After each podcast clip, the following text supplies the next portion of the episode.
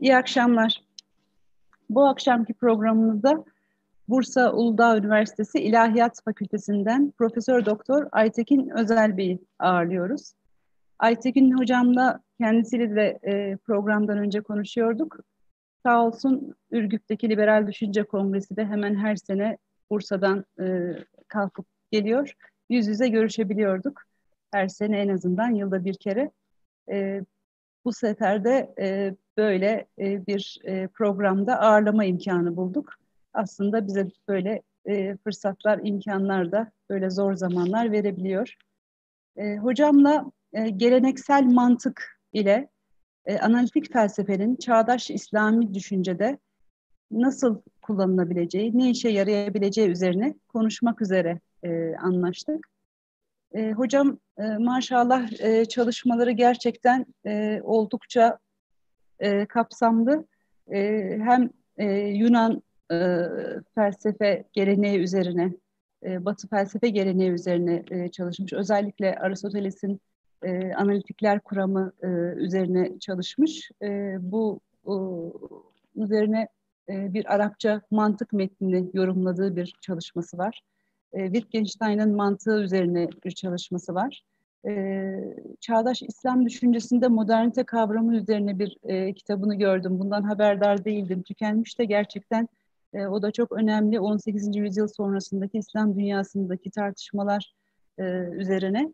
E, hocam hem e, Batı dünyasındaki, e, Batı felsefe tarihindeki çalışmaları takip etmiş hem de aynı zamanda e, İslami e, düşünce tarihindeki e, hem belli başlı filozofları belki hem de aynı zamanda belki de daha e, kenarda kalmış, öne çıkmamış e, isimlerin de e, çalışmalarını takip ederek e, bunları mecz eden, bunları karşılaştıran e, çalışmaları var.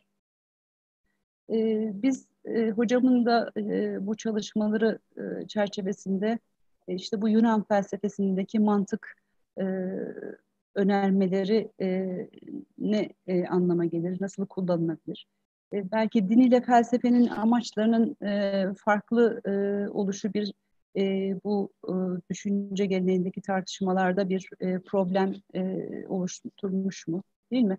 E, mantık ile felsefenin arasındaki bağ e, nelerdir ve aynı zamanda e, bu e, mantık e, önermelerini kullanan İslam e, düşüncesindeki e, isimler arasındaki farklı tartışmalar, belki Gazali, Farabi, İbn Sina, Biruni gibi belli başlı e, isimler arasındaki farklılaşmalar e, neler olmuş ve bugünkü çağdaş İslam düşüncesindeki e, bu geçmişten bugüne e, ulaşan e, bu farklılaşmaları, farklı gelenekleri e, konuşacağız. E, hocamın e, internette de bir takım e, Bursa İlahiyat Merkezi'nin de e, bir takım e, videolarını gördüm. Gerçekten e, çok yoğun, e, rafine, kısa zamanda sistematik, e, çok e, bilgi veren sonuçlar var. E, biz de e, bu programlarımızın e, yeni olarak perspektif veren e, tartışmalarda e, bize bir kavramsal e, bir çerçeve sunan, aynı zamanda e, konumuz itibariyle tarihsel bir perspektif e, sunan bir e, niteliği olacak e, diye düşünüyorum. Akşamınızı ayırdığınız için çok teşekkür ediyorum hocam. Buyurun e, söz sizin. Eyvallah. Ben teşekkür ederim. Sağ olun, var olun. Şimdi e, öncelikle liberal düşünce topluluğuna teşekkür ediyorum. Böyle bir e, imkan sağladığı için e, ve tekrar görüşme imkanımız oldu bu çerçevede, bu bağlamda dostlarla diyelim. E, benim konum e, geleneksel mantık, işte analitik felsefe ve çağdaş İslam düşüncesi. Çok geniş bir alanı kuşatıyor ama ben e, çağdaş İslam düşüncesindeki bir takım e, görebildiğim problemlerden hareketle e, acaba e, analitik felsefe ve geleneksel mantık günümüz İslam düşünürleri açısından ne tür imkanlar doğurabilir? E, böyle bir e, soru üzerinden e, düşünmeye çalıştım. E, bu yol, bu soru üzerinden e, bir fikir oluşturmaya çalıştım. Tabii e, öncelikle e, geleneksel mantık nedir? Bunun kapsamı nedir? Yani nasıl ele alınır? Nelerden bahsedilir? Ve İslam düşüncesindeki etkisi nedir? Bu soru çerçevesinde hareket etmemiz uygun olacak. Şimdi geleneksel mantık e, deyince biz Aristoteles'in ortaya koyduğu, sistematik anlamda kurucusu olduğu ve sonradan kendi şarihlerinin, yorumcularının, e, Stoiklerin, Helenistik dönem filozoflarının, mantıkçılarının, Orta Çağ'da da e, Müslüman düşünürlerin veyahut da Batı Orta Çağ'ındaki diğer e, düşünürlerin, mantıkçıların geliştirdikleri e, genel anlamda mantık kuramlarını e, kastediyoruz. E, İslam dünyasında e, mantık deyince tabii e, ilk etapta e, Farabi akla gelir. Farabi e, önemli bir isimdir. E, muallim evveldir, ilk öğretmen olarak bilinir. E, o mantığın konusunu e, terimlere yani lafızlara delalet etmesi açısından düşünülürler, akledilirler. Biraz felsefi olacak benim şeyim. E, düşünürlere akli, delalet etmesi bakımından da terimler, lafızlar diyebilirler. İbn Sina e, açısından bakıldığında ondan farklı bir şey çerçevede e, mantığı, mantığın konusunu belirlemiştir. Ona göre mantığın konusu ikinci akledilir e, veya ikinci düşünülür e, kavramlardır diyebiliriz. Şimdi bu akledilir deyince ne anlaşılıyor? Biz e, teklere, tek tek nesnelere yöneldiğimiz vakit onlardan hareketle soyutlama yoluyla bir takım türleri yani bir takım kavramları ilk elden elde ederiz. İşte insan deriz, işte aslan deriz değil mi? Böyle gördüğümüz işte ağaç deriz ve benzeri şeyler. Ve işte bunlar birinci akledilir olur artık zihnimizde kavramlar oluşmuştur. Ondan sonra bunlar arasındaki bir takım ilişkilere yöneldiğimiz vakit şu şunun cinsidir, bu bunun türüdür gibi, şu şunun özüdür gibi bir takım e, ilişkiler kurmaya başladığımızda ikinci akledilir e, türden e, kavramlara, lafızlara ulaşmışızdır demektir. Mantığın der tam da konusu e, bunlarla ilgilidir. Tabii e, mantık nedir? Yani bir de oradan başlamak gerekir. Mantık e, bilinenlerden hareketle yani geleneksel mantık İslam dünyasındaki geleneksel mantık e, tanımını yapmak istersek bilinenlerden hareketle bilinmeyenleri elde etme ilmi olarak e, tanımlanır. Bu konusuna göre bir tanımdır. Ve amacına göre tanımda e, fikir yürütürken zihni hatadan koruyan bir e, ilim olarak, bir disiplin olarak tanımlanır ve e, mantığın da iki ana bölgesi vardır. Bunun bir tanesi tasavvurlar, diğeri de tasdikler olarak konumlandırılmıştır. Tasavvurların başlangıcında bizim beş tümel dediğimiz e, kavramlar vardır. İşte cins, tür, efendime söyleyeyim ayrım, işte özgürlük diye Türkçe'ye geçmiş hassa. Ondan sonra genel ilinti dediğimiz bir kavramdan söz edilir. Bunların amacı nedir?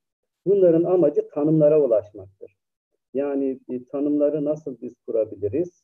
Veyahut da e, efradını cami, agyarını mani dedikleri yani öyle bir tanım kurmalıyız ki içine alması gereken her bir şeyi içine almalı, dışarıda tutması gerekenleri de dışarıda tutması gerekir. İşte e, tarif teorisi denilen e, şey veya eskilerin diliyle gavli şarih denilen şey tam da bu konu üzerine çalışır. Diğer ikinci bir kısım mantığın bölgesinde e, tasdikat kısmıdır. Burada önermeler devreye girer. Önerme nedir? Önerme yargı bildiren anlamlı cümledir. Ve e, biz e, düşünme halkalarını, düşünme silsilelerini bu yargı bildiren cümleler üzerinden gerçekleştirebiliyoruz. Yani biz argümanlarımızı kurarken e, mutlaka önerme, hüküm ifade eden yargı ifade eden önermeler üzerinden e, ifade etmek durumundayız. Yani bizim veyahut da şöyle diyelim işte soru cümleleri olsun veya şaşkınlık ifade eden bir takım cümleler olsun. Bunlarla düşünme halkalarının oluşması mümkün değil. Tabii bu önermeler ve onlardan hareketle kıyasları, akıl yürütme türlerini elde etme durumu söz konusu oluyor mantıkta. Dolayısıyla e, mantık iki ana bölgeye ayrılmış tasavvurlar ve tasdikler. Ee, Müslüman ulema da diyelim e, ibn Sina'dan sonra özellikle e, o çok belirleyici bir isimdir mantık tarihinde, İslam mantık tarihinde. E, ibn Sina'dan sonra e, onun özellikle işaretler ve tembihat adlı eserinde ele aldığı konuları e, tekrar tekrar şerh ederek, onları özetleyerek, bazen karşı fikirler ileri sürerek Fahrettin Razi'de olduğu gibi bu İslam dünyasında etkili olmuş. Bir başka isim herhalde İmam Gazali'dir. İmam Gazali'nin rolü e, mantığı İslami ilimler içerisinde önemli bir yere e, sahip kılmıştır. Yani şöyle e, mantığa meşruiyya sağlamıştır medreselerde. Mantık mesela ona göre El Mustasfa adlı eserinde dikkate alırsak e, e, ilimlerin ilimlere bir giriştir ve mantık bilmeyenin ilmine de güvenilmez. Kimisi bunu şöyle de tercüme eder. Mantık bilmeyen kendi ilmine de güvenilemez, güvenemez diye de tercüme eder. Ve bu e, Mustasfa adlı eseriyle önemli bir eserdir. Fıkıh usulü, hukuk usulü ile ilgili bir eser. İlk defa mantık konularının doğrudan hukuk usulüne, hukuk metodolojisine eklemlendiğini görebildiğimiz metindir o. Ve e, etkili metin, etkili bir e, metindir. Gazali'den sonra e, artık özellikle tabii medreselerde diyelim, Sünni İslam dünyasında medreselerde şöyle bir bilimler tasnifi söz konusudur. E, alet ilimleri, araç ilimleri bunlar nelerdir? İşte sarf, nahiv, gramerle ilgili, belagat ve mantık. Bu dört bilim, ilim e, bir organon yani Aristoteles'in ifadesiyle bir organon, İslam dünyasındaki ifadesiyle bir alet olarak kabul edilmiş, bir araç, aygıt olarak kabul edilmiş. Peki neye e, araç olarak kabul ediliyor? Metodolojiye. Yani usul ilimlerini eskilerin ifadesiyle fıkıh usulü, tefsir usulü, hadis usulü ve akaid usulü diyelim. Bu usul ilimlerinde ilmi mantığın kullanılması, yerleşmesi e, söz konusu. Ve sonra da ilimlerin kendisi gelir biliyorsunuz. Tefsir, hadis, fıkıh, e, kelam ilmi gelir. Toplam 12 ilimden e, söz edilir bu şekilde. Tabii bundan sonra gen, e, tekrar e, çeşitli açılardan ele alınır ve eklemelerde de bulunur bunlara. Mesela adab-ül bahs vel münazara dedikleri tartışma metodolojisinin olduğu, geliştirildiği metinler de vardır e, bu anlamda. Mantığın e, tartışmalara, münazaralara uygulandığı bir e, bilim, küçük bir bilim alanıdır bu. Şimdi e, bu geleneksel mantığın çok önemli bir yönü e, gramer üzerinden gitmesidir. E, mesela medreselerde en çok okutulan Ebheri'nin İsagogisidir. Bu ezberlettirilir, şerhleri yapılmıştır, haşiyeler yapı, yazılmıştır o şerhlerin etrafına. Ve bu dikkat edilirse lafız üzerinden gider. Yani terimler üzerinden gider. Lafızlar der ya basittir ya bileşiktir. İşte ondan sonra bileşik olanlar e, ya küllidir yani tümeldir ya da e, cüz'idir. Külli olanlar ya zatidir yani özseldir ya da arazidir, ilintiseldir. E, işte özsel olanlar cinstir, türdür falan böyle özetlemek için bunu şunu şunun için yapıyorum. E, mantık konuları gerek kelam olsun, gerek hukuk usulü olsun, gerek tefsir usulü gerekse hadis usulü metinlerine bir şekilde girmiştir. Ee, yani mantığın bir rolü de hesap verme işidir. Elde ettiğiniz bilgilere siz nasıl ulaştınız? Ee, hangi önermelerden hareketle bu sonuca ulaşılabiliyor? Ee, gerçekten sizin ileri sürdüğünüz e, kıyaslar diyelim, akıl yürütmeler geçerli midir? İşte mantık bunları denetliyor. Yine e, bu mantığın e, İslam dünyasında ele alınan mantığın bir başka özelliği de ontolojiyle yani varlık bilimiyle çok yakın bir ilişki içerisinde olmasıdır. E, hem mantık hem de ontoloji bir araya geldiğinde artık formel bir ontoloji ortaya çıkar. Ve bu yönden bakıldığında, da bizim Porfirus e, ağacı olarak isimlendirdiğimiz sonradan Oradan hareketle bir e, varlık hiyerarşisi, bir kavramlar hiyerarşisi söz konusudur. İşte en yukarıda varlık kavramı veya cevher dediğimiz buna. Ondan sonra cisimsiz olanlar, cisimli olanlar, efendim söyleyeyim, cansızlar, canlılar, işte bitkiler, hayvanlar falan böyle gelir. İnsan ve diğer hayvanat diye isimlendirilir. Böyle bir varlık hiyerarşisi ve o bizim mantık e, metinleri özellikle tasavvurlar kısmının başlangıcını bu ontoloji üzerinden vermeye çalışır. Bir başka yön, geleneksel mantığın bir başka yönü de belli bir e, bilgi tanımı üzerinden ilerlemektedir. Yani çağımızın ifadesiyle epistemolojiyle çok yakından ilgilidir. Şöyle ki, mesela e, en başta mantık metinlerinde der ki bilgi nedir? Yani bilgi işte şeylerin e, suretlerinin, formlarının akıl nezdinde ortaya çıkmasıdır der. Tabii bunu sonra analiz edilir, böyle ince ince analizlere gider. Ondan sonra derler ki işte bilgi ya tasavvurdur ya da tasdiktir. Bu meşhur İbn Sina. Gerçi ondan önce Farabi'de de var. Ee, tasavvur ve tasdik üzerinden bilgi tanımları yapılır. Ee, ve e, bu şekilde bir epistemolojinin çıktığını görebiliriz. Yine e, İslam dünyasındaki e, mantık e, geçerli akıl yürütmeler nelerdir? Yani bunları özellikle ayırır. Yani mantıki kıyaslarla. Kıyas sözcüğü bu anlamda çok genel. Mesela fıkhi kıyaslardan söz ediyoruz. E, hukuki kıyaslardan söz ediyoruz. Efendime söyleyeyim. Veyahut da e, tüme varımsal kıyaslardan. Bu anlamda kıyas en genel kavram oluyor. Çünkü üçünü de kuşatmış olur. E, tüme varımsal kıyaslardan söz ediyoruz. İslam dünyasında mantıki kıyaslar, e, temsili veya fıkhi kıyaslar, e, tüme varımsal kıyaslar arasında bir takım ayrımlara gidilir ve bunların usullerde, metodolojide tartışılması söz konusudur. Yani biz mantıki kıyaslarla hareket edersek ne tür sonuçlar elde edebiliriz? Hukuki kıyaslarla el, yolumuza devam etsek veya temsili kıyaslarla yolumuza de, devam etsek ne tür sonuçlar elde edilebilir? Ve benzeri türden böyle metodolojiyi de ilgilendiren ciddi anlamda tartışmalar söz konusudur. Ve e, yaklaşık olarak şöyle diyebilirim. E, 1700 yani 17. yüzyıl diyelim. 17. yüzyıla kadar e, bu mantık anlayışı devam ediyor.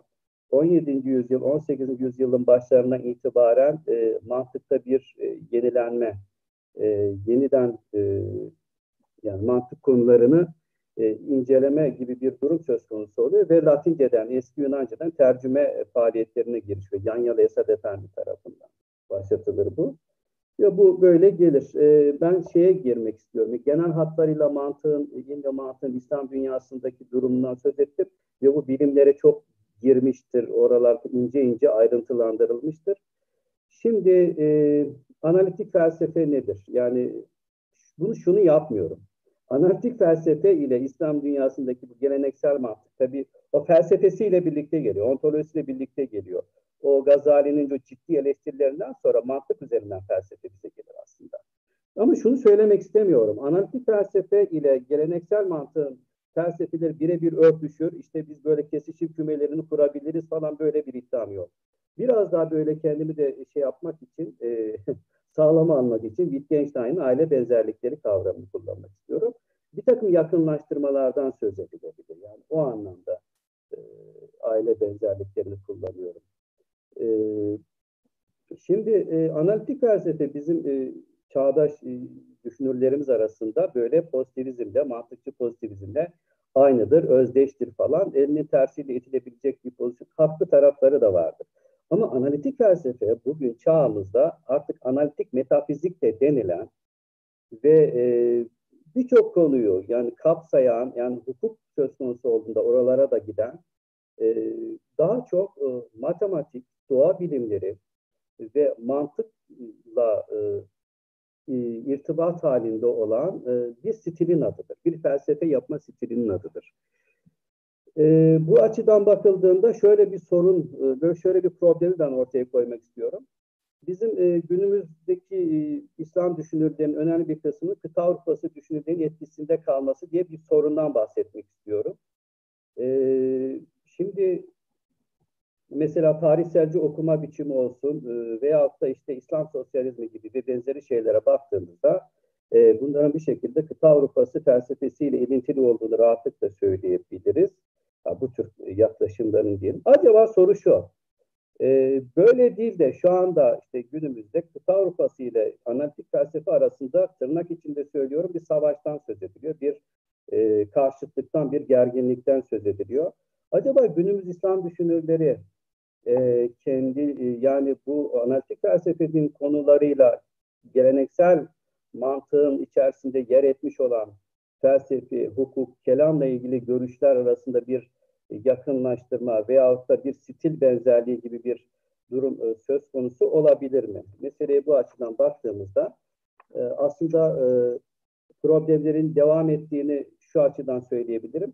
Şimdi kıta Avrupası yaklaşımında insan aklına bilime ve teknolojiye duydukları bir e, alerji söz konusu, e, bir rasyonite karşıtlığı söz konusu, e, bir e, hakikatler icat etme ve bilimin ve rasyonelitenin hiçbir zaman onlara böyle ulaşamayacağı, böyle üst düzey işte kavramlar, e, ne kadar uğraşırsa uğraş varamayacağınız kavramlardan söz edebiliyorlar. Fenomenolojiden söz ediyorlar. Yani bizim günümüzün e, Müslüman düşünürlerin de oradan devşirdikleri kavramları özellikle buralarda kullanmak istiyorum. Ve bakıyorsunuz moderniteyi ve e, e şey, e, rasyonelite külliyen bir red gibi bir durum söz konusu. Bazen bakıyorsunuz Heidegger 20. yüzyılın en büyük filozofu oluyor. Kendisi e, e, tescilli bir nazidir aynı zamanda.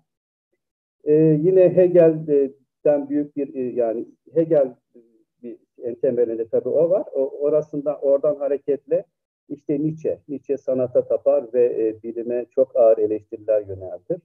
Yine günümüzde Marksistlerle kıta felsefeciler arasında bir yakınlaşmadan söz edilir. Hatta bazılarına göre bir ittifak vardır. E, ve e, günümüzün e, Müslüman düşünü oradan bir takım kavramları sürekli devşirirler, bunları kullanırlar. E, böyle olduğunda acaba farklı bir alternatif üretme adına biz zaten belli bir gelenek üzerinden geliyoruz. Yani meseleleri ele alma tarzı bakımından stil bakımından daha yakın olan analitik felsefeye den hareketle problemlerimize eğilebilir miyiz diye bir soru aklıma geliyor. Bu bağlamda analitik felsefenin birkaç özelliğinden de söz edebilirim. Analitik felsefenin en genel karakteristiği rasyoneliteye sıcak ve saygılıdırlar. E, bilime saygılıdırlar. sanata genel olarak özel bir alerji beslemezler ama düşmanca tavır da sergilemezler. Analitik felsefeciler e, akıl yürütmelerde açıklık ve kesinlik amaçlarlar. Yani mantığın işi zaten odur. Yani hesap verme. Bir argüman ileri sürüyorsunuz. E, iyi bunu nasıl sürüyorsun? Neye göre söylüyorsun bunu? Analitik felsefeciler buna önem verirler ve bu yönden bakıldığında da mantığın araçlarını serbestçe kullanırlar. E, yine konu olarak gidildiğinde işte özgür irade problemi analitik felsefede ciddi bir problemdir e, onun üzerine eğilirler. E, ama bu politik özgürlükler bakımından değil, özgür iradenin kendisinin insanda e, gerçekten var olup olmadığı ile ilgili bir sorundur. Libet deneyleri falan onlardan söz edilir. Şimdi e, bu açılardan e, analitik felsefenin işte şunu da söylemek gerekir. E, böyle keskin ayrımlar da yapmak istemiyorum. Bakıyorsunuz e, analitik e, felsefenin bazı araçlarını Hegel'de kullanabiliyor adam. Yani e, analitikçi Hegelciler, e, ne bileyim, analitikçi Marksistler de çıkabiliyor. E, bu şekilde felsefe yapma tarzları da olabiliyor. E, bu kaydı da bir tarafa koyaraktan e, bizim geleneksel mantıkla e, analitik felsefe arasında ne türden bir irtibatlar kurulabilir? E, bunun üzerine birkaç şey söylemek istiyorum. Mesela analitik felsefede dil çok önemlidir. Referans terimi çok. Konu konu gitmek istiyorum yakınlaştırmak için. Ee, yani referans e, göndermede bulunma. Bizim mantığın temelinde de veya felsefeye başlarken delalet meselesi gündeme gelir. E, mantığın temelinde delalet konusu var. Delalet nedir? Mesela bir şeyi bilmekten hareketle başka bir şeyi bilme yöntemine biz delalet diyoruz ve mantığın en temeline de bu yerleştirilir. Yine işte analitik reference, gönderge, yani bu Frege'den beri Transcend e, Reference adlı İngilizce olarak tercüme edilen makalesinden beri bu konu sürekli e, ele alınmış. Anlam nedir problemi? Yani bu kıta Avrupa'sında anlam böyle bir takım hakikatlerdir. İşte bizim onlara öyle ulaşamayız gibi yapılır ama kıta analitik gelenekte anlam daha böyle açık seçik bir şekilde tartışılan e, bir meseledir. Anlamın ne olduğu sorunu üzerinde ciddi ciddi durulur. İslam geleneğinde böyledir. Mana nedir, anlam nedir? E, bu ciddi anlamda durulur. Hatta e, bir şeyin diyelim, bir türün, bir şeyin tanımı aynı, onun aynı zamanda anlamıdır, aynı zamanda mahiyetidir, aynı zamanda hakikatidir. Burada hakikati külli önermeler anlamında kullanmıyorum. Özcü anlamda bir hakikatten söz ediyorum. Yine e, analitik felsefe ile geleneksel mantık arasında şu önemli. E, veya şöyle bizim İslami ilimlerde hep o. E, bilimin bil, e, ne diyelim bilimin tanımı, amacı, konusu her bir bilimde bu vardır. Analitikçi filozoflarda da e, yani meselelere yaklaşımıyla e, önemli oranda benzerlikler vardır. Mesela mantık vaz'idir denir. Ya bilimler vaz'idir. Vaz ne demek ne demektir? Belirlenmiştir, konulmuştur, vaz edilmiştir. Yani e, bu anlamda sözlükler de öyledir. Yani salt çıkarımsal değil ve tanımları, aksiyonları, kuralları olan bir bilimden söz edersiniz. Herhangi bir İslami ilme giriştiğiniz vakit onun e, kuralları, işte e, temel ilkeleri, usulü ve yine şeye yöneldiğimiz vakit, analitik felsefeye yöneldiğimiz vakit e, aynı şekilde mesela set teori denilen günümüzde işte küme teorisi, matematikçi, matematik filozoflar da o konu üzerinde çok iyidirler. Onun aksiyonları, teoremleri, işte kuralları, ispatlama teknikleri bu açıdan da birbirlerine çok yakındırlar. Yine İslam geleneğinde, felsefede, kelamda evren ikiye ayrılır. Bir, zihindekiler, iki, zihin dışındakiler. Yani hariçtekiler. Ve bir de şöyle de düşünebiliriz. E, hem zihni olanlar hem de hariçte olanlar o zaman üçüncü bir kategori çıkar. Analitik gelenekte ise zihnin kendisi e, başlı başına bir e, inceleme konusu. Yani e, salt akılla zihin kavramı, zihnin kendisi incelemeye e, tabi tutulur. E, bir diğer özellik, e, argümantatif düşünme denilen şey aslında her iki gelenekte de var. Nedir argümantatif düşünce? Critical thinking olarak da ifade ediliyor. E, eleştirel düşünme teknikleri. Yani ben söyledim oldu, efendime söyleyeyim. Bu söylediklerim e, buradan çıkar. Böyle değil. Bunun tekniğinin, usulünün olduğu, kurallarının belirlenmeye çalışıldığı bir alan var. Şimdi bizim e, mantık metinlerine veya felsefe veya kelam metinlerine baktığımız vakit birçok e, ulema metni yazarken göndermede bulunur mantık kavramlarına. Der ki bu sugradır, küçük önemlidir şu kübradır, büyük önermedir der. Ve bunlardan hareketle şu sonuç elde Oysa onları 200 sayfa öncesinden söz etmişti mesela. Ve sonra neticeden söz eder. Ve bu yönden bakıldığında da aslında onlar da argümantatif metinlerdir. Yani e, e, bu teknik ifadesini özellikle kullanıyorum. E, bu bizim Türkiye'de pek e, eğitime yansımamış bir e, problem argümentatif bir metin nasıl inşa edilir, nasıl yapılır eğitim noktasında pek e, dikkat alınmayan bir problem olarak karşımıza çıkıyor. Her iki gelenekte de mantık zaten başlı başına bir araçtır, önemli bir araçtır.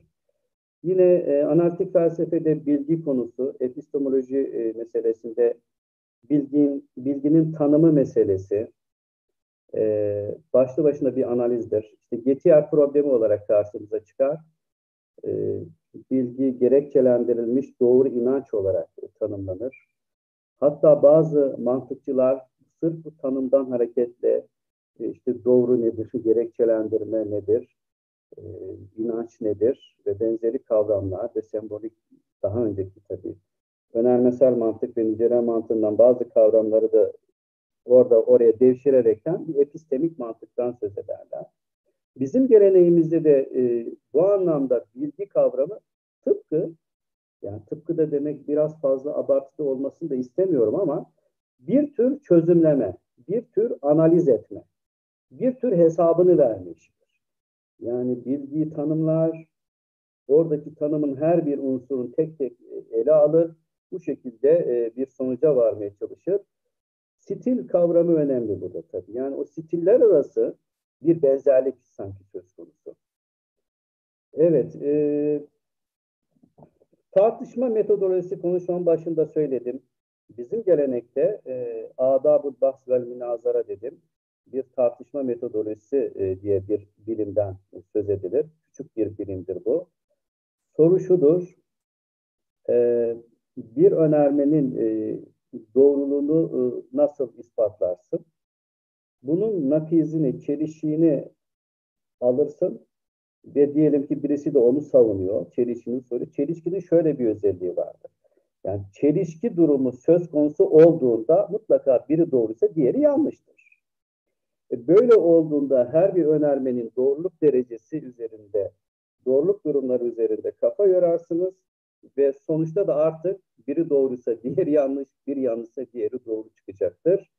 O yönden e, bir tür tartışma metodolojisi ve analitik gelenekteki e, eleştirel düşünme teknikleriyle çok yakından ilgilidir bu.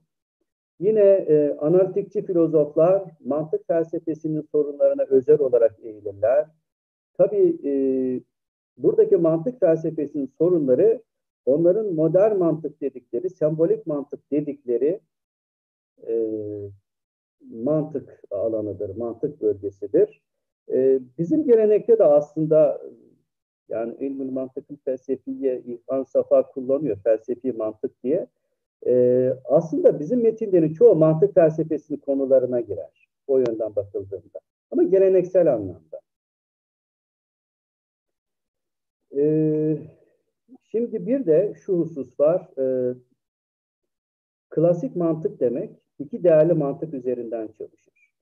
Yani bir önerme ya doğrudur ya da yanlıştır. Üçüncü bir ihtimal yoktur. Üçüncü hal olmaz ilkesinden hareketle bu e, cümleyi elde ederiz.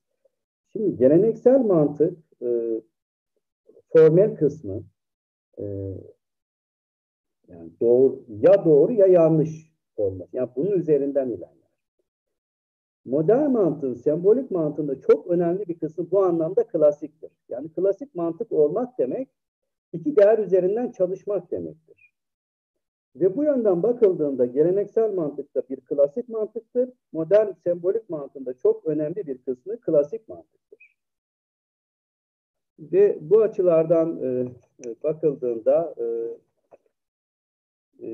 bizim analitik felsefe ile analitik felsefesinin ele aldığı konularla konu olmak bakımından diyelim e, önemli olan oranda benzerliklerimiz söz konusudur.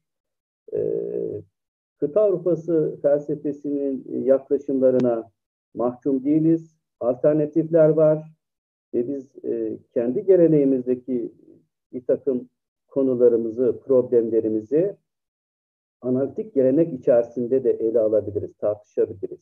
Yani bu cesareti gösterebilirsek e, öyle zannediyorum ki e, bir takım yeni açılımlar e, sağlanabilecektir. E, e, bu sunumunda da ben bunları ifade etmek istedim.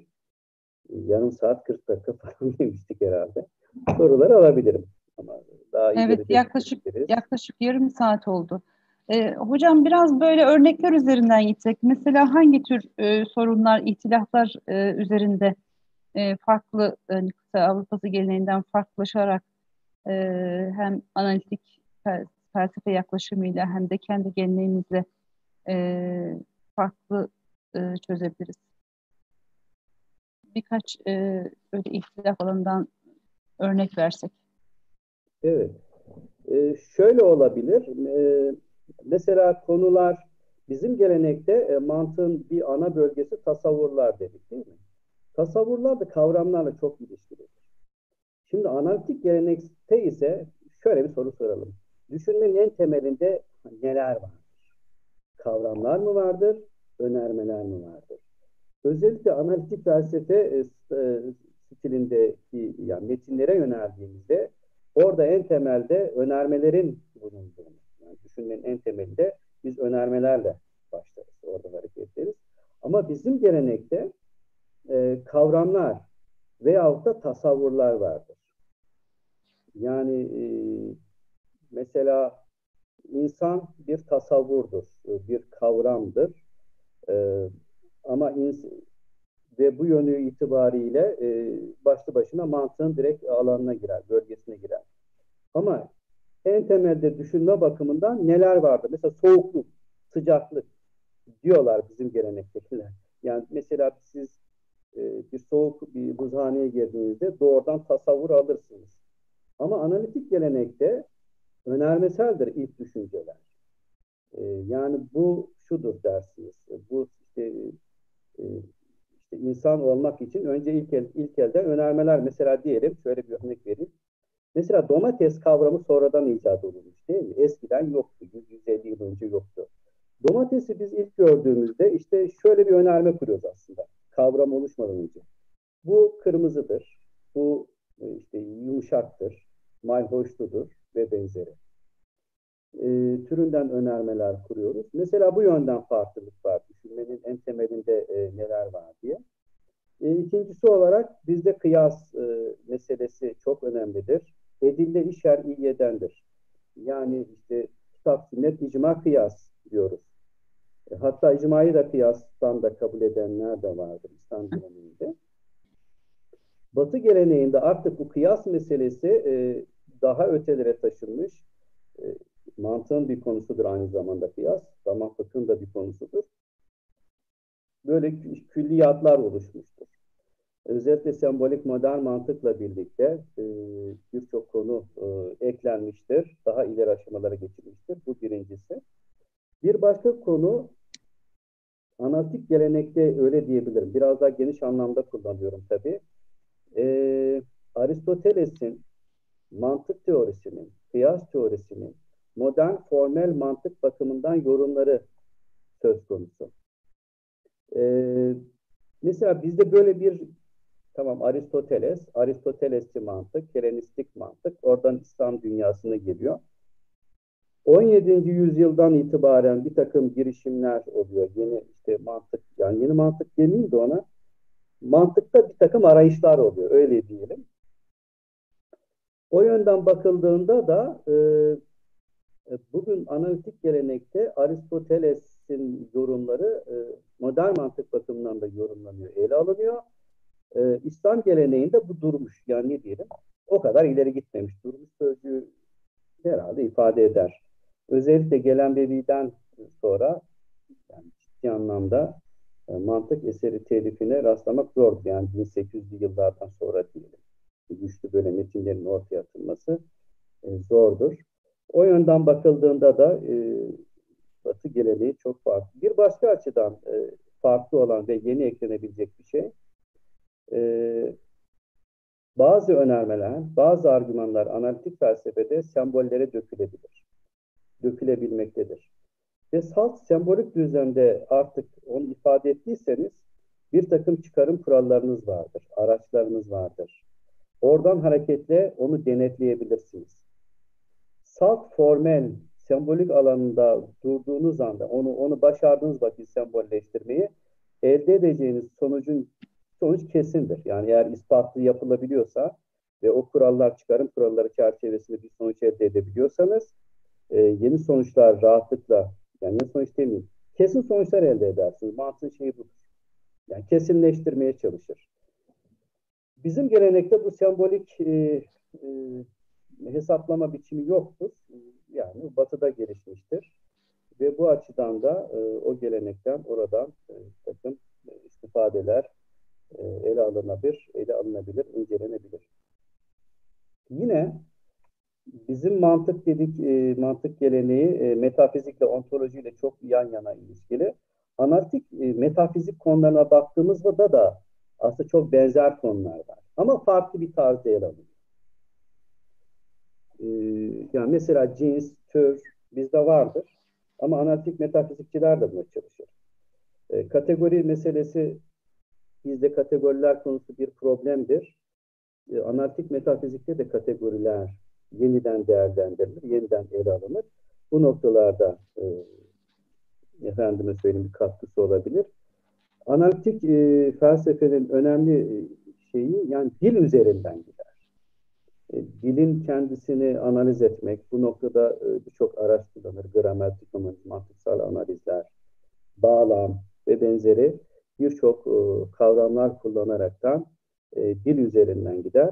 Belki de biz e, geleneksel mantık içerisine girmiş olan, duran, var olan bir takım felsefe sorunlarını epistemolojiyle ontolojiyle ilgili bir takım felsefe sorunlarını e, onların dil analizleri yoluyla çözebiliriz veya oralarda yeni açılımlar sağlayabiliriz.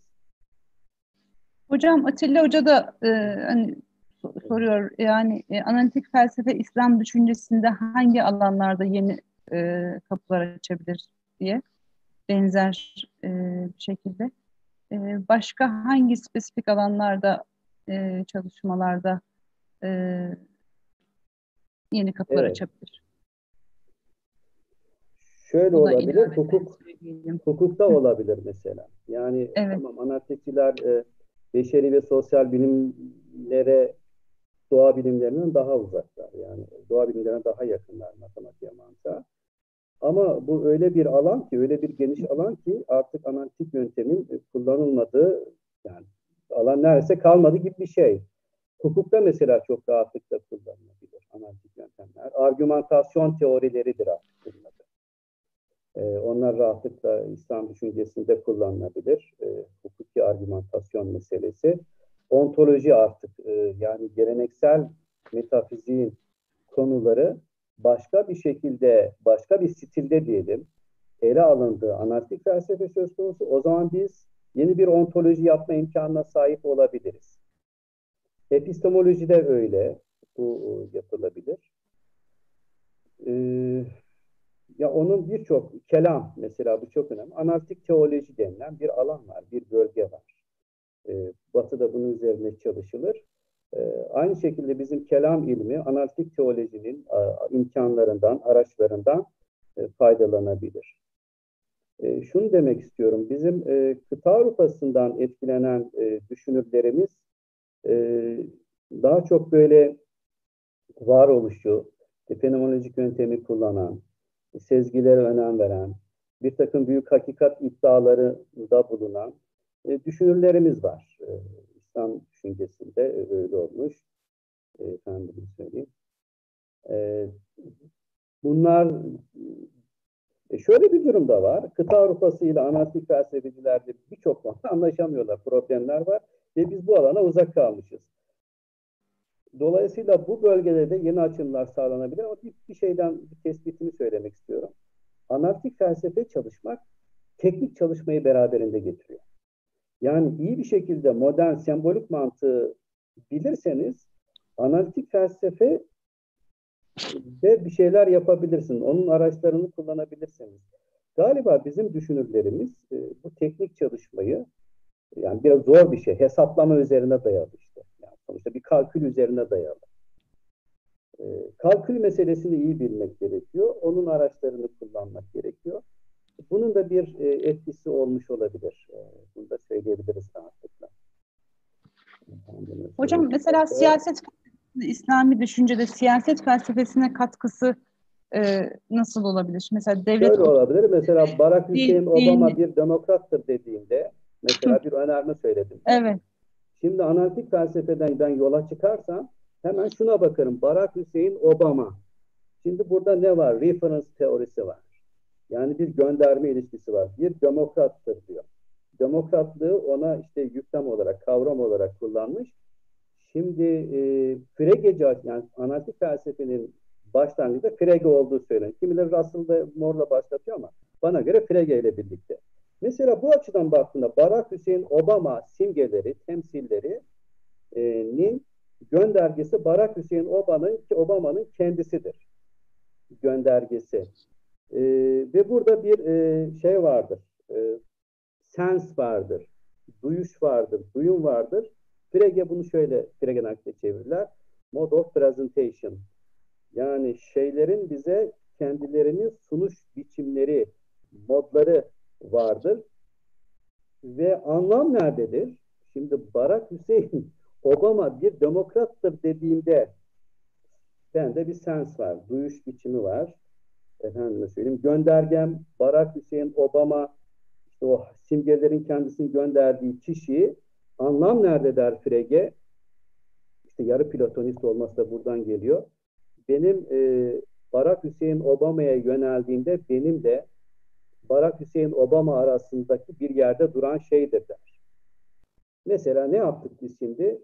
e, siyaset bilimiyle ilgili olarak diyelim bir önermeyi analitik felsefenin bir aracını kullanaraktan Ripple teoriyi kullanaraktan e, örneklemiş olduk. Bunu analiz etmiş olduk. Bu ve benzeri kavramlar e, rahatlıkla kullanılabilir. Mesela örnek olarak şunu verebilirim. Analitik felsefe bizdeki tümel önermeleri varsayımsal olarak okur. Mesela e, her insan ölümlüdür önermesini biz e, analiz ederiz. Başta e, onun içeriği vardır. Tümel bir ifadedir. İnsan mevzudur. Öbürküsü mahmuldur. Ona yüklenmiştir falan. Ama niceleme mantığı söz konusu olduğunda çağdaş niceleme mantığı bu varsayımsal önermedir. Şayet evrende her x şayet o x insandır ise işte o x ölümlüdür diye varsayımsal olarak okur. Bunun da nedenleri vardır, gerekçeleri vardır. Şimdi ne oldu? Ee, bizim külli olarak ve kesinlikle doğrudur dediğimiz önerme, bunu bir yorum olarak kabul edelim. Başka bir mantık sisteminde, niceleme mantığında varsayımsal olarak, hipotetik olarak e, okunmuş oldu. E, siyaset felsefesiyle ilgili e, birçok kavram analize açıktır. E, yani analitik felsefe e, yöntemleriyle e, tartışılmaya, analize açıktır. Benim ilk aklıma gelen Barack Hüseyin Obama ile ilgili örnek olmuş oldu. Yani Frege üzerinden böyle bir şeyler söyleyebilirim. Evet, şöyle bir soru var. Ee, yine benzer devam ediyor önceki soruları soruların. Analitik düşünme tarzı İslam dünyasının bugününü göz önüne aldığımızda hangi yaralarımıza merhem olabilir diyor. Ee, öncelikle hesap verilebilir bir düşünme e, biçimini bize verir, sağlar. Yani neyi neden dolayı söylüyoruz? Bunu hangi önermelerden hareketle elde Şöyle diyelim, insanın bilgi edinme tarzı, bakınız bizim gelenekte ya kesbidir, ya bedihidir, ya da vehbidir. Şimdi bedihi olanlar, bedihi bilgiler işte bizim doğrudan açık bir şekilde aldığımız bilgilerdir. Direkt doğrudan bir, bir üçten küçüktür veya işte şu masa serttir dediğim duyu verilerini doğrudan elde ettiği bilgiler. Kesbi olanlar dolaylı hep bir şeyden hareketle elde edilmiş kazanımlardır, bilgilerdir. Diğeri de vehbi, o şey tabii e, vahiy e, olması, ledünni ilim denilen e, bilgi tarzı. O halde şunu söyleyebiliriz. Bütün bilgiler ya doğrudandır ya da doğrudan değildir. Yani ikisinden birisine girer. Bütün bilgi edinimlerimiz. Çok önemli bir, bir bölge olan kesbilik durumu, yani sonradan elde edilen bilgiler meselesi mantığında konusudur. Ve bu e, ve bu yönden bakıldığında analitik felsefe e, teki e, filozofların üzerinde çalıştığı mantık felsefesi problemleri, mantık konuları e, daha yani ben oldum, ben söyledim oldu türünden değil, daha hesap verilebilir argümanlar ileri sürmemize vesile olabilir, aracı olabilir. Böyle kurgusal değil, spekülatif değil, e, e daha argümanlara dayalı, daha iddiasını temellendiren düşünüş biçimlerini bize verebilir. Mesela mantıksal, onu söyleyeyim, mantıksal geçerlilik diye bir durum vardır. Mantıkça bir e, iddianın, bir tezin geçerli olması demek, öncüller doğru olduğunda öyle bir forma sahip olmalı ki, öncüller doğru olduğunda sonuç hiçbir zaman yanlış çıkmasın. Böyle bir form üzerinden iddia edilir. Yani mantıkça geçerli bir argüman ancak böyle kurulabilir. Mantıksal doğruluklar formeldirler. Bu doğru. Yani e, Ayşe 4. sınıf öğrencisi ise Ayşe bir öğrencidir. İsterse hiç Ayşe diye birisi yaşamamış olsun dünyada. E, bu hep doğru bir önemlidir. Y, Y olsun. Y ise Y doğru çıkartırız onu. Sembolik mantık söz konusu olduğunda. Ve eğer biz mantıkça geçerli formlar üzerinden argümanlar kuruyorsak, bakın şuna dikkat edelim.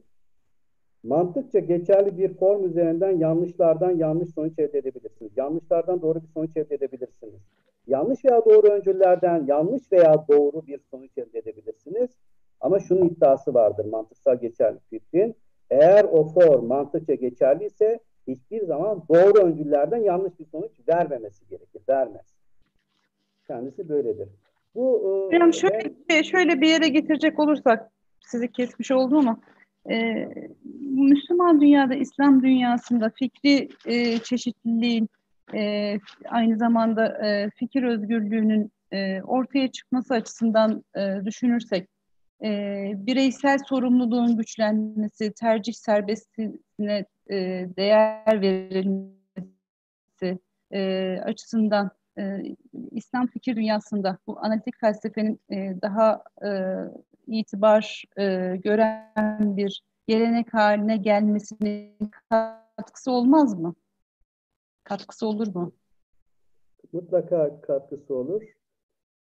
E, sesiniz biraz gelip gitti ama herhalde anladım. Veya onun olmayışının, bunun zayıflığı yani kıta Avrupası geleneğinin ya da e, öteki e, bahsinizden hareketle kıta Avrupası geleneğinin hakim olması İslami düşünce üzerinde de e, bireysel sorumluluğunun e, tercih hakkının e, saygıya değer olmasının önüne geçiyor mu, geçmiyor mu? Oldu mu acaba internet bağlantısı var? Herhalde anladım. Yani anlamış olmalıyım diye düşünüyorum. Tekrar sorayım isterseniz. Evet. İnternet kesiliyor nedense bu yayında. Evet. Buyurun. Tekrar sorayım mı? Hı, buyur, bir sorayım. Yani daha. analiz felsefenin İslam, çağdaş İslam düşüncesinde daha e, hakim olması, bireysel sorumluluğun güçlenmesinde, e, tercih hakkına e, saygı duyulmasında e, etkisi olur mu? Fikir özgürlüğünün e, güçlenmesinde etkisi olur mu? Kesinlikle etkisi olur fikir özgürlüğünün e, güçlenmesinde. Çünkü e, analitik felsefenin e, tekniği diyelim tarzı açıklık üzerine kuruludur. Hesap verme, e, temellendirme üzerine kuruludur. E, dolayısıyla bireyler kendi fikirlerini e, açıkça ifade ederler. Analitik felsefe onlara şunu şunu şu açıdan faydalı olur. Ben bir görüşümü ifade etmek için nasıl hareket etmeliyim? Bir e, bireysel olarak bir nasıl gerekçelendirmeliyim? nasıl gerekçelendirmeliyim? Çok güzel söylediniz. E, bu gerekçelendirme tekniklerini o bireylere sağlar. Mantığın şöyle bir rolü var. Kendisi formeldir ağırlıklı olarak. Yani mantık formel olarak Mantık aslında doğruluklar ve yanlışlıklarla ilgilenmez, ilkeci. İnsanların doğrulukları ve yanlış yani doğruları ve yanlışları farklı olabilir, çeşitli olabilir. Hatta artık yani çok değerli mantıklardan söz edilir. Farklı doğruluk değerlemelerinden de söz edilebilir. Mantık veyahut da analitik mantık diyelim şunu yapar. E, bu önermeye bir doğruluk değeri verdiğinde Bakınız. Ondan sonra iş başlıyor. Doğruluk değerini vermek bireyin hakkıdır. Kendisi bir karar verecektir. Ama mantık şunu gösterir. Bu önermeye, bu doğruluk veya şu önermelere şu doğruluk değerlerini verdiğinizde çıkan sonuç bu olur gibi. Yani size bir yol, yol yöntem gösterir. Ee, çeşitli böyle Aksi yollar vardır. Böyle. Çeşitliliğe yol imkan vermiyor yani. Çeşitliliğin önünü kapatıyor çeşitliliğin önünü kapatmıyor. Çeşitlilik zaten aksi var. takdirde. Ha, aksi takdirde. Ha. Hı hı. Aksi, evet. Ee, şöyle böyle e, şöyle bir takım toplumsal yargıları bireye dayatmada e, olsun böyle durumlar söz konusu olabiliyor. Veya gelenekten gelen bir takım yargıların e, işte bireylere dayatılması ve benzeri durumlarda analitik veya şey, ona kritik düşünme demek lazım artık. İş oraya doğru vardı. Eleştirel düşünme teknikleri e, bireyin kendisini karşı tarafa ifade etmede çok önemli bir araç olarak kullanıyor. Yani bir baskı varsa diyelim üzerinizde e, sizin sahip olduğunuz bir takım inançlar, bir takım fikirlerden dolayı bir e, baskı oluşuyorsa siz bu e, critical thinking yöntemleri yoluyla diyelim argümantatif düşünme yoluyla, yöntemleri yoluyla diyelim, kendi fikrinizi e, rahatlıkla, e, mantık yazar olarak ifade etmiş olursunuz. Bir. ikincisi bu da Gazali'nin dediği şey de o önemli. Onu söylemek istiyorum. Kişinin kendi kendini ikna etmesi. Yani ben böyleyim onu yine mantıkla yapar. Yani onu eleştirel düşünme teknikleriyle yapar. Evet. Yani neye, neden ve... inandığıyla ilgili önemli araçlar kişiye verir. Evet. Yani bu fikir hayatına e, bu o felsefe geleneğinin hakim olması dediğiniz gibi farklı disiplinlere e, bırakıldığında, teşmin edildiğinde e, hepsinde bir çeşitliliği, çoğulculuğu e, temin edecek. Bir de çok kısa böyle bir üzerinden geçip e, fazla üzerinden bahsetmedik. Daha böyle siyaset e, biliminin e, ilgi alanlarına e, da temas edersek İslami sosyalizmin e, temelinin de kıta Avrupası geleneğinin düşünüş biçimin ile ortaya çıktığından bahsettiniz ama hani hızlı geçtik. Burası da çok önemli bence.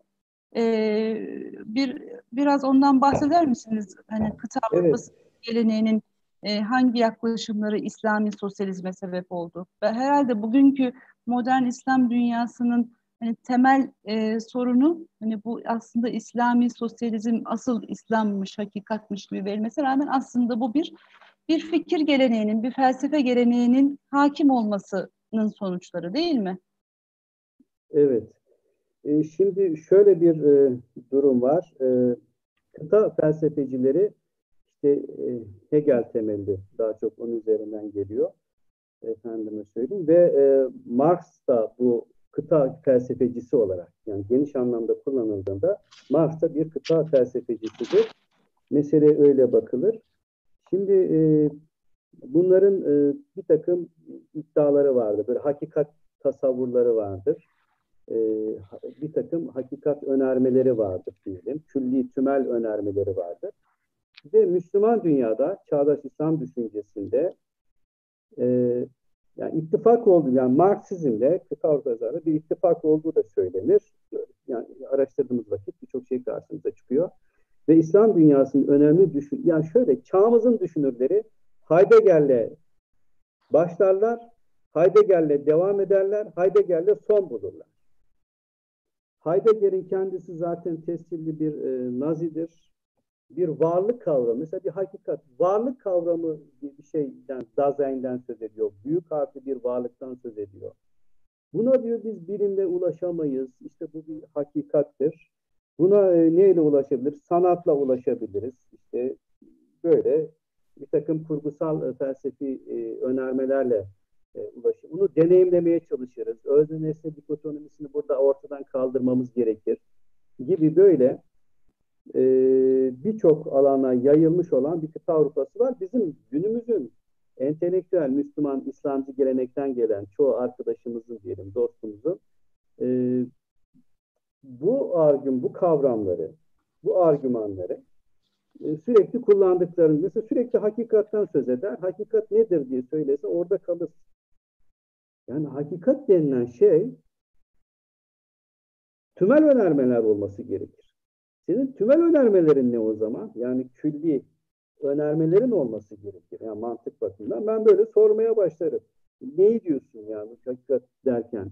İşte benim imanımdır, işte e, şudur, genel işte İslam'dır, vahidir. Bu olabilir. İnsanların hakikat iddiası olabilir. Ama analitik felsefe bize şunu öğretmeye başlar. Öğretmek de demeyeyim de bize şu imkanı e, tanımaya başlar. E, bunları önermeye dökersen ve analiz edersen ne tür sonuçlara ulaşırsın? Ve bunlar arasında ne tür ilişkiler kurabilirsin diye başlar. Ee, ve bu yönden bakıldığında da günümüz e, Müslüman entelektüellerin önemli bir kısmı e, kıta Avrupa'sından e, e, önemli oranda etkilenmiştir. Benim demek istediğim şu aslında tek bir seçenek yok. Oraya mahkum değiliz. Tabii muhakkak. Başka bir e, aralarında savaş oldukları iddia edilen Anglo-Sakson geleneği denilen işte filozoflarının sıralandığı bir felsefe yapma stili tarzı var. Buradan bir gane kalamayız. İkinci iddiam şu, seçenek olur oluşturdum. biz geleneksel mantık ki felsefenin çok önemli kısımları hep oralara giydirilmiştir. Geleneksel mantığın konularından hareketle bu felsefe arasında daha fazla ilişki kurabiliriz. Ve şunu da söylüyorum, bizim e, Müslüman entelektüellerimiz gelenekte var olan bir takım e, felsefe sorunlarını, bizim geleneğimizde var olan bir takım felsefe sorunlarını ihmal ederek, es geçerek, ignore ederek bir tercihte bulunuyorlar. Kıta Avrupası üzerinden gidiyor. Ben de diyorum ki bu konular üzerinde biz tekrar eğilebiliriz ve bunun açımlamalarını anarkik dünyada, e, Anglo-Sakson dünyadaki filozoflar üzerinden yeniden tartışabiliriz. Bu, bunun mümkün olabileceğini söylüyorum. Yani söylemek istediğim temelde bu. E, tabii de şu, e, kıta Avrupası ve Marksizm çok şeylere mal oldu. Yani işin o tarafına girdiğimiz vakit e, yani İslamcılık e, geleneği içerisindeki birçok düşünürün aslında o kavramlar, kapitalizm düşmanlığı e, ve benzeri böyle kavramları bilip bilmeden e, külliyen batıyı red, külliyen rasyonite inkarı. Bakıyorsunuz e, bilim önemli bir tecrübedir insanın hayatında. Yani insanlığın hayatında. Eleştiriler öyle boyutlara gidiyor ki kıta Avrupası temellidir. O arkadaşların, dostların söylediği, e, iddia ettiği görüşler öyle boyutlara gidiyor ki bilimi red. Sanki biz ayrı bir dünyada böyle e, yaşıyoruz. Yani ilginç durumlara, pozisyonlara düşme. Bununla birlikte e, moderniteye bakışı olabilir. Üzerine ne, ne dersiniz? Hani bunlara ilave olarak bilim ve moderniteye nasıl e, bakıyorlar? Ya, maalesef şöyle bir sorun var. Birçok dost başlarken işte bu bir takım diyelim psikolojik sorunlar insan bireylere diyelim arttı. Toplumsal sorunlarımız arttı ve e, ahlaki problemlerimiz arttı. Hemen şudur önemli. İşte bu modernitenin ürünüdür falan diye böyle e, kıta Avrupası filozofların tavındı, takındığı tavrın neredeyse aynısını görüyorsunuz. Oysa modernite nedir? Farklı modernlikler olabilir mi? Farklı modernlikler olabiliyorsa e, bunlar arasındaki ayrım noktaları neler olabilir? Mesela İslami bir moderniteden söz edilebilir. Veyahut da bir Çin, Hindistan böyle yeni modernite, farklı moderniteler ileri aşamalarda olabilir mi, olamaz mı? Bilemiyorum.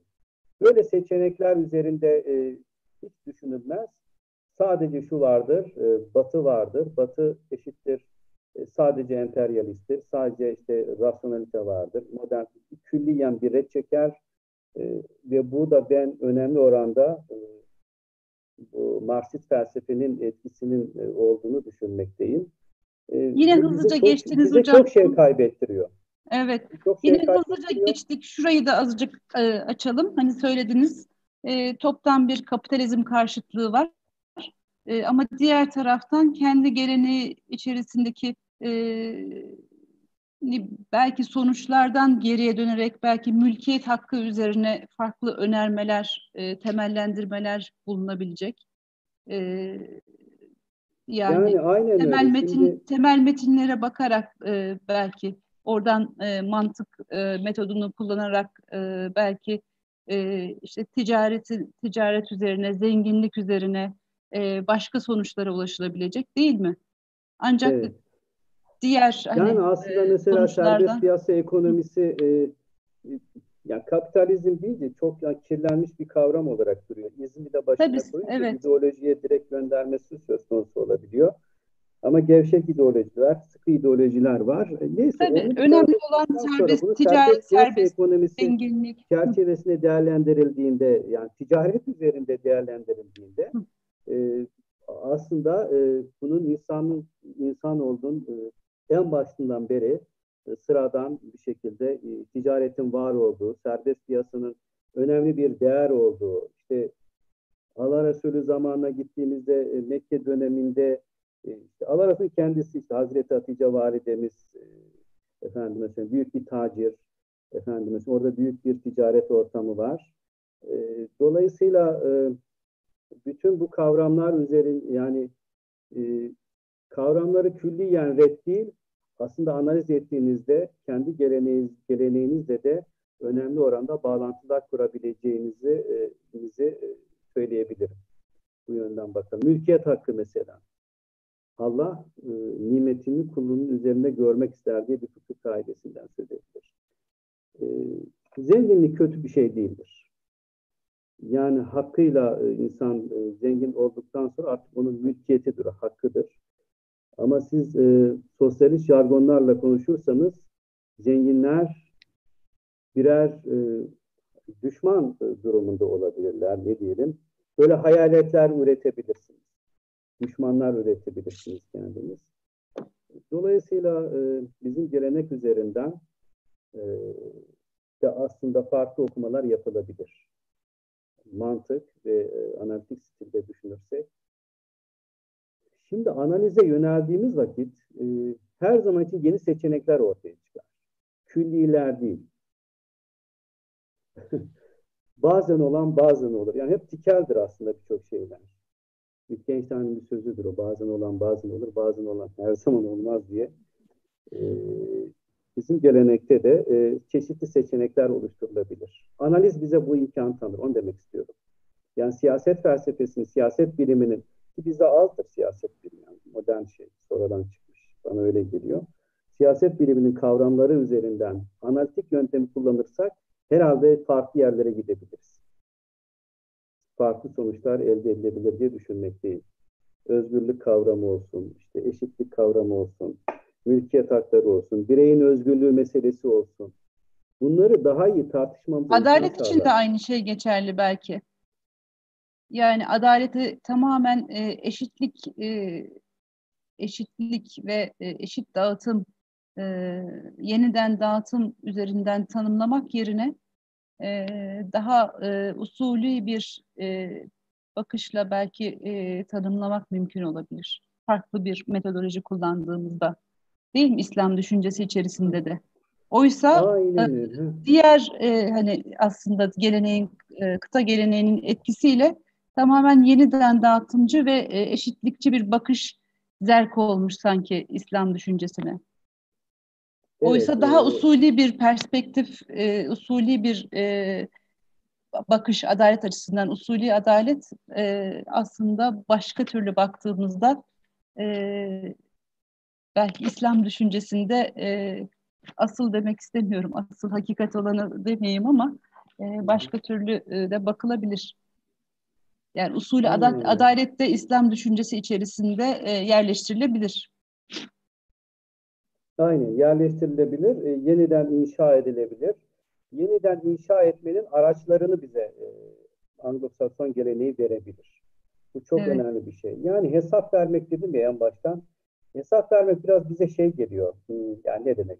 Böyle baskıcı bir şey hesabını ver falan gibi değil. O anlamda değil bu. Ee, böyle ikna edici olmak. Nereden nereye doğru gittiğinin e, bir bilançosunu çıkarmak. Yani öyle düşünülebilir mantık çerçevesinde. Yani mantıksal geçerlik fikri bize oraya götürür. O anlayış. Ee, ve edille-i şer'iyeden olan kıyasla ilgili öyle şeyler oluştu ki Batı bu analitik gelenekte hukukla ilgili olarak, bağlantılı olarak oradaki tartışmalar, kıyasla ilgili tartışmalar. Buraya zaten bizde var kıyas. Biz de farklı yerlere götürecektir. Ee, Ondan sonra ikinci olarak da e, vaz gibi bilimler kendileri e, belirli vazlar üzerine kurdu. Yani tanımlanmış olan, kuralları olan, e, bir takım yöntemleri olan, e, bir takım e, sistemler üzerine kendini kuruyor. Bizim gelenekte de işte öyledir. Ve bu bunu yeniden kurma imkanımız var. Bu gelenekte, bu Anglo-Sakson geleneğine yöneldiğimizde oradan bir takım araçları e, alabilme ve onlardan hareketle yeniden ifade etme imkanımız var kendimizi, bilimlerimizi mesela. Tefsirde bu kullanılabilir. Yani tarihselcilik günümüzde aldı başını gitti ama şimdi geleneksel mantık ve Anglo-Sakson geleneğinden bakıldığında tarihselciliğin çok büyük eksiklikleri var. Yani bu yönlerde. Temel önermeleri nedir? E, tanımlar ortada gümbürtüye gidiyor. Temel aksiyonları var mı, yok mu? Hangi çıkarım kurallarıyla nereye doğru gidiyorsun, hangi sonuçlara varıyorsun? Yoksa tarihseli şu olacak, kıta Avrupası ya, her şey gider, her şey söylenebilir, her şey tarihsel, bağlantı kopar. İlim denilen şey bizim gelenekte ve Batı geleneği Anglo-Sakson dünyasında e, disiplinli bir düşünme tarzını da ifade eden bir organizasyondur. Yani mesela bizdeki burhan değil mi? Bizim gelenekte çok önemlidir. Burhani ilim deriz.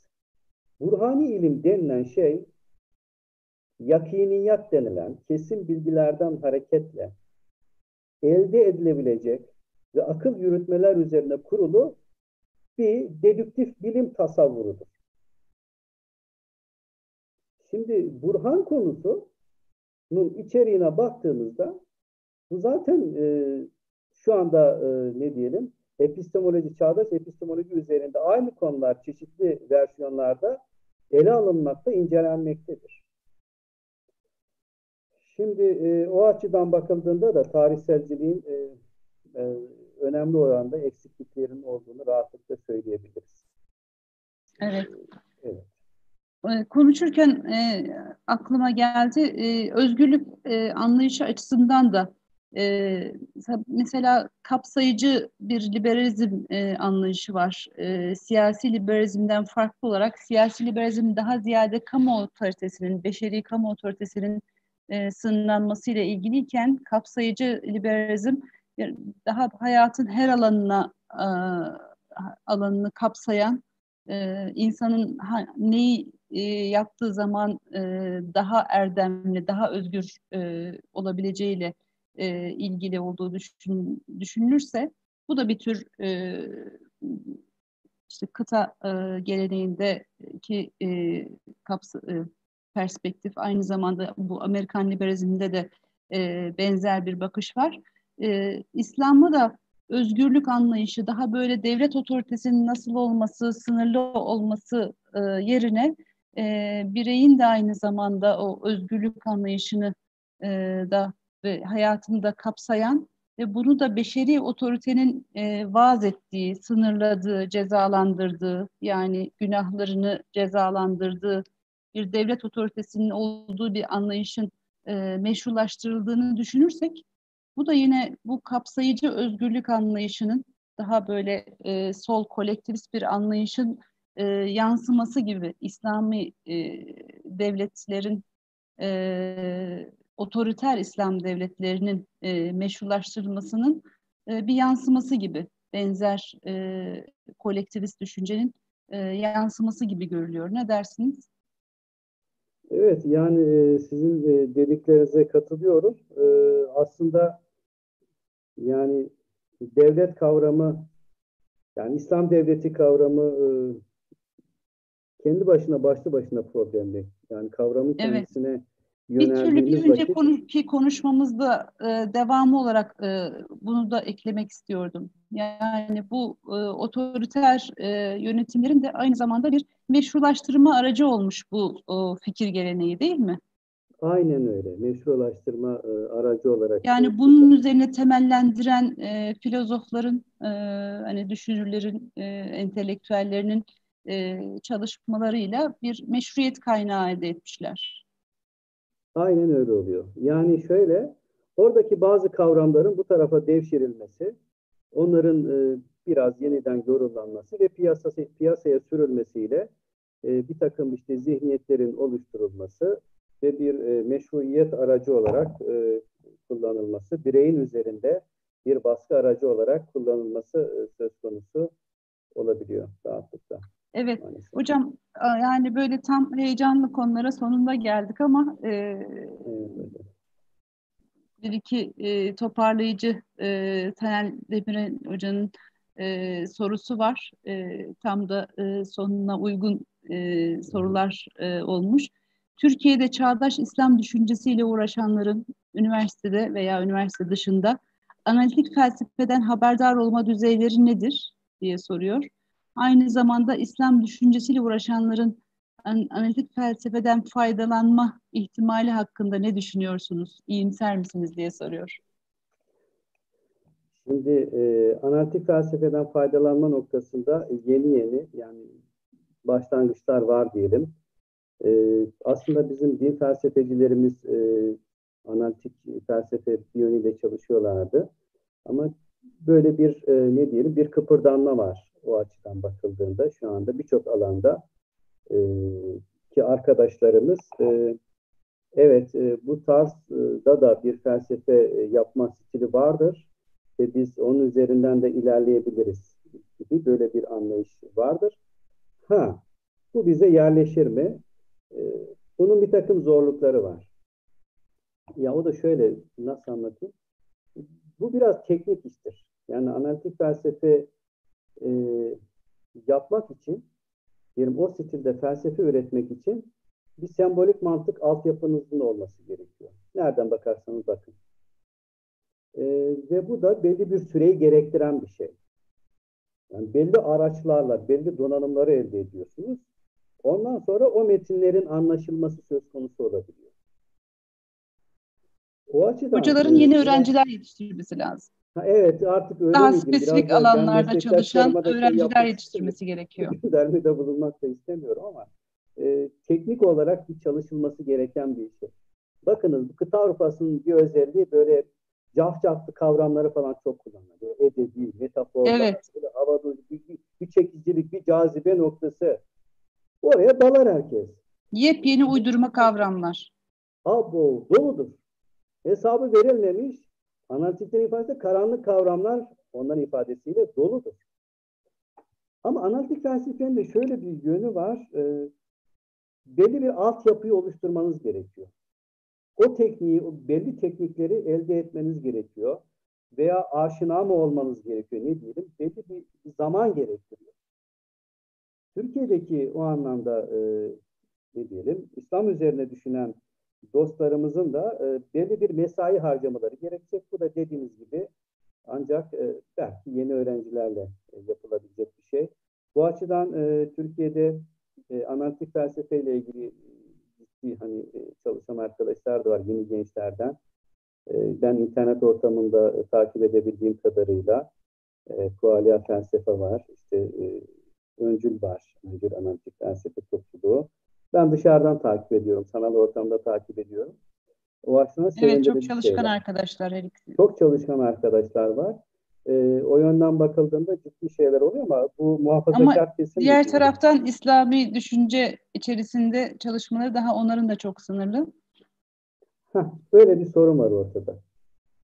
Ama bu belki hem Türkiye için hem yani bütün Müslüman de Türkiye için de çok önemli. Çok evet, hayati bir ee, Çok hayati bir konu, evet. Şimdi biz diğer meselelerle de ilgiliyiz. Yani İslam e, ekonomi, serbest piyasa evet, evet. ekonomisi, işte İslam tarihindeki e, e, gelenekler, kurumlar, hani bunlara bakmak ama e, bunlara bakabilmek için aynı zamanda daha genel olarak e, fikir dünyasına e, bu eleştirel e, düşüncenin de hakim olması, bu geleneğin hakim olması lazım. Yani diğer disiplinlerde için de e, ekonomi, siyaset bilimi, e, siyaset felsefesi disiplinleri için de böyle bir altyapı, böyle bir zeminin olması çok önemli. Evet, görülüyor. Aynen altyapının e, olması gerekiyor. Bir şey söyleyeceğim. Bu e, yeni çalışan genç arkadaşlar, dostlar aslında din, analitik din felsefesi çalışmakla, daha da özele inersen mesela Plantinga üzerine çalışmakla İslam veya dinle aslında yine analitik kendi sorunları var. Aslında bir kesişim alanı oluşmakta. İlahiyat camiası olsun veyahut da Müslüman e, dindar arkadaşların e, yani olsun onların e, daha ilgili olabilecekleri bir alan da var orada, duruyor orada. Bir de şöyle diyeyim, bir, ha, bir mesele. Analitik felsefenin mesela zihin felsefesiyle ilgili söyledikleri şeyler, ruh üzerine söyledikleri şeyler, zaman üzerine söyledikleri şeyler bir problem olarak dönüyor, İslam'la ilgili bir düşünce sorununa dönüyor. Mesela bunun ayrımına varılabildi mi? E, pek farkında değilim, onu bilemiyorum. Ama bunu görebiliyoruz. Yani bu ortada bir sorun. Mesela özgür irade meselesi politik özgürlüklerden söz etmiyorum. Evet. Ama bu yapılan deneyler üzerinden e, mesela Libet deneylerinden söz edilir. E, deneysel psikolog kendisi. Beynimiz biz karar vermeden önce, seçmeden önce bizden önce bir karar veriyor. Ve sonra bizim bilincimizi aktarıyor. Şimdi bu soru şu. Özgür irade var mı? Yani temelden gidersek. Bu çok önemli bir teolojik sorundur aynı zamanda. Bizim gelenekle ilgili olarak. Şey demiyorum, e, yapılan seçimler yani hukuki şahısların artık vaz ettikleri, ortaya koydukları seçimler o başka bir konu. Artık oradan itibaren siyaset felsefesi, siyaset bilimi devreye girer. Ama bir bireyin kendisi eğer doğruysa, haklıysa şey, Libet haklıysa, o deneysel psikoloğun yaptığı çalışmalar haklıysa, temeldeki özgür irade iddiası bir mit olur. Evet, bu da epey uzun bir konu. Şöyle evet, bir bu, son soru var hocam. Son soru olsun. Bir buçuk saati yaklaştık.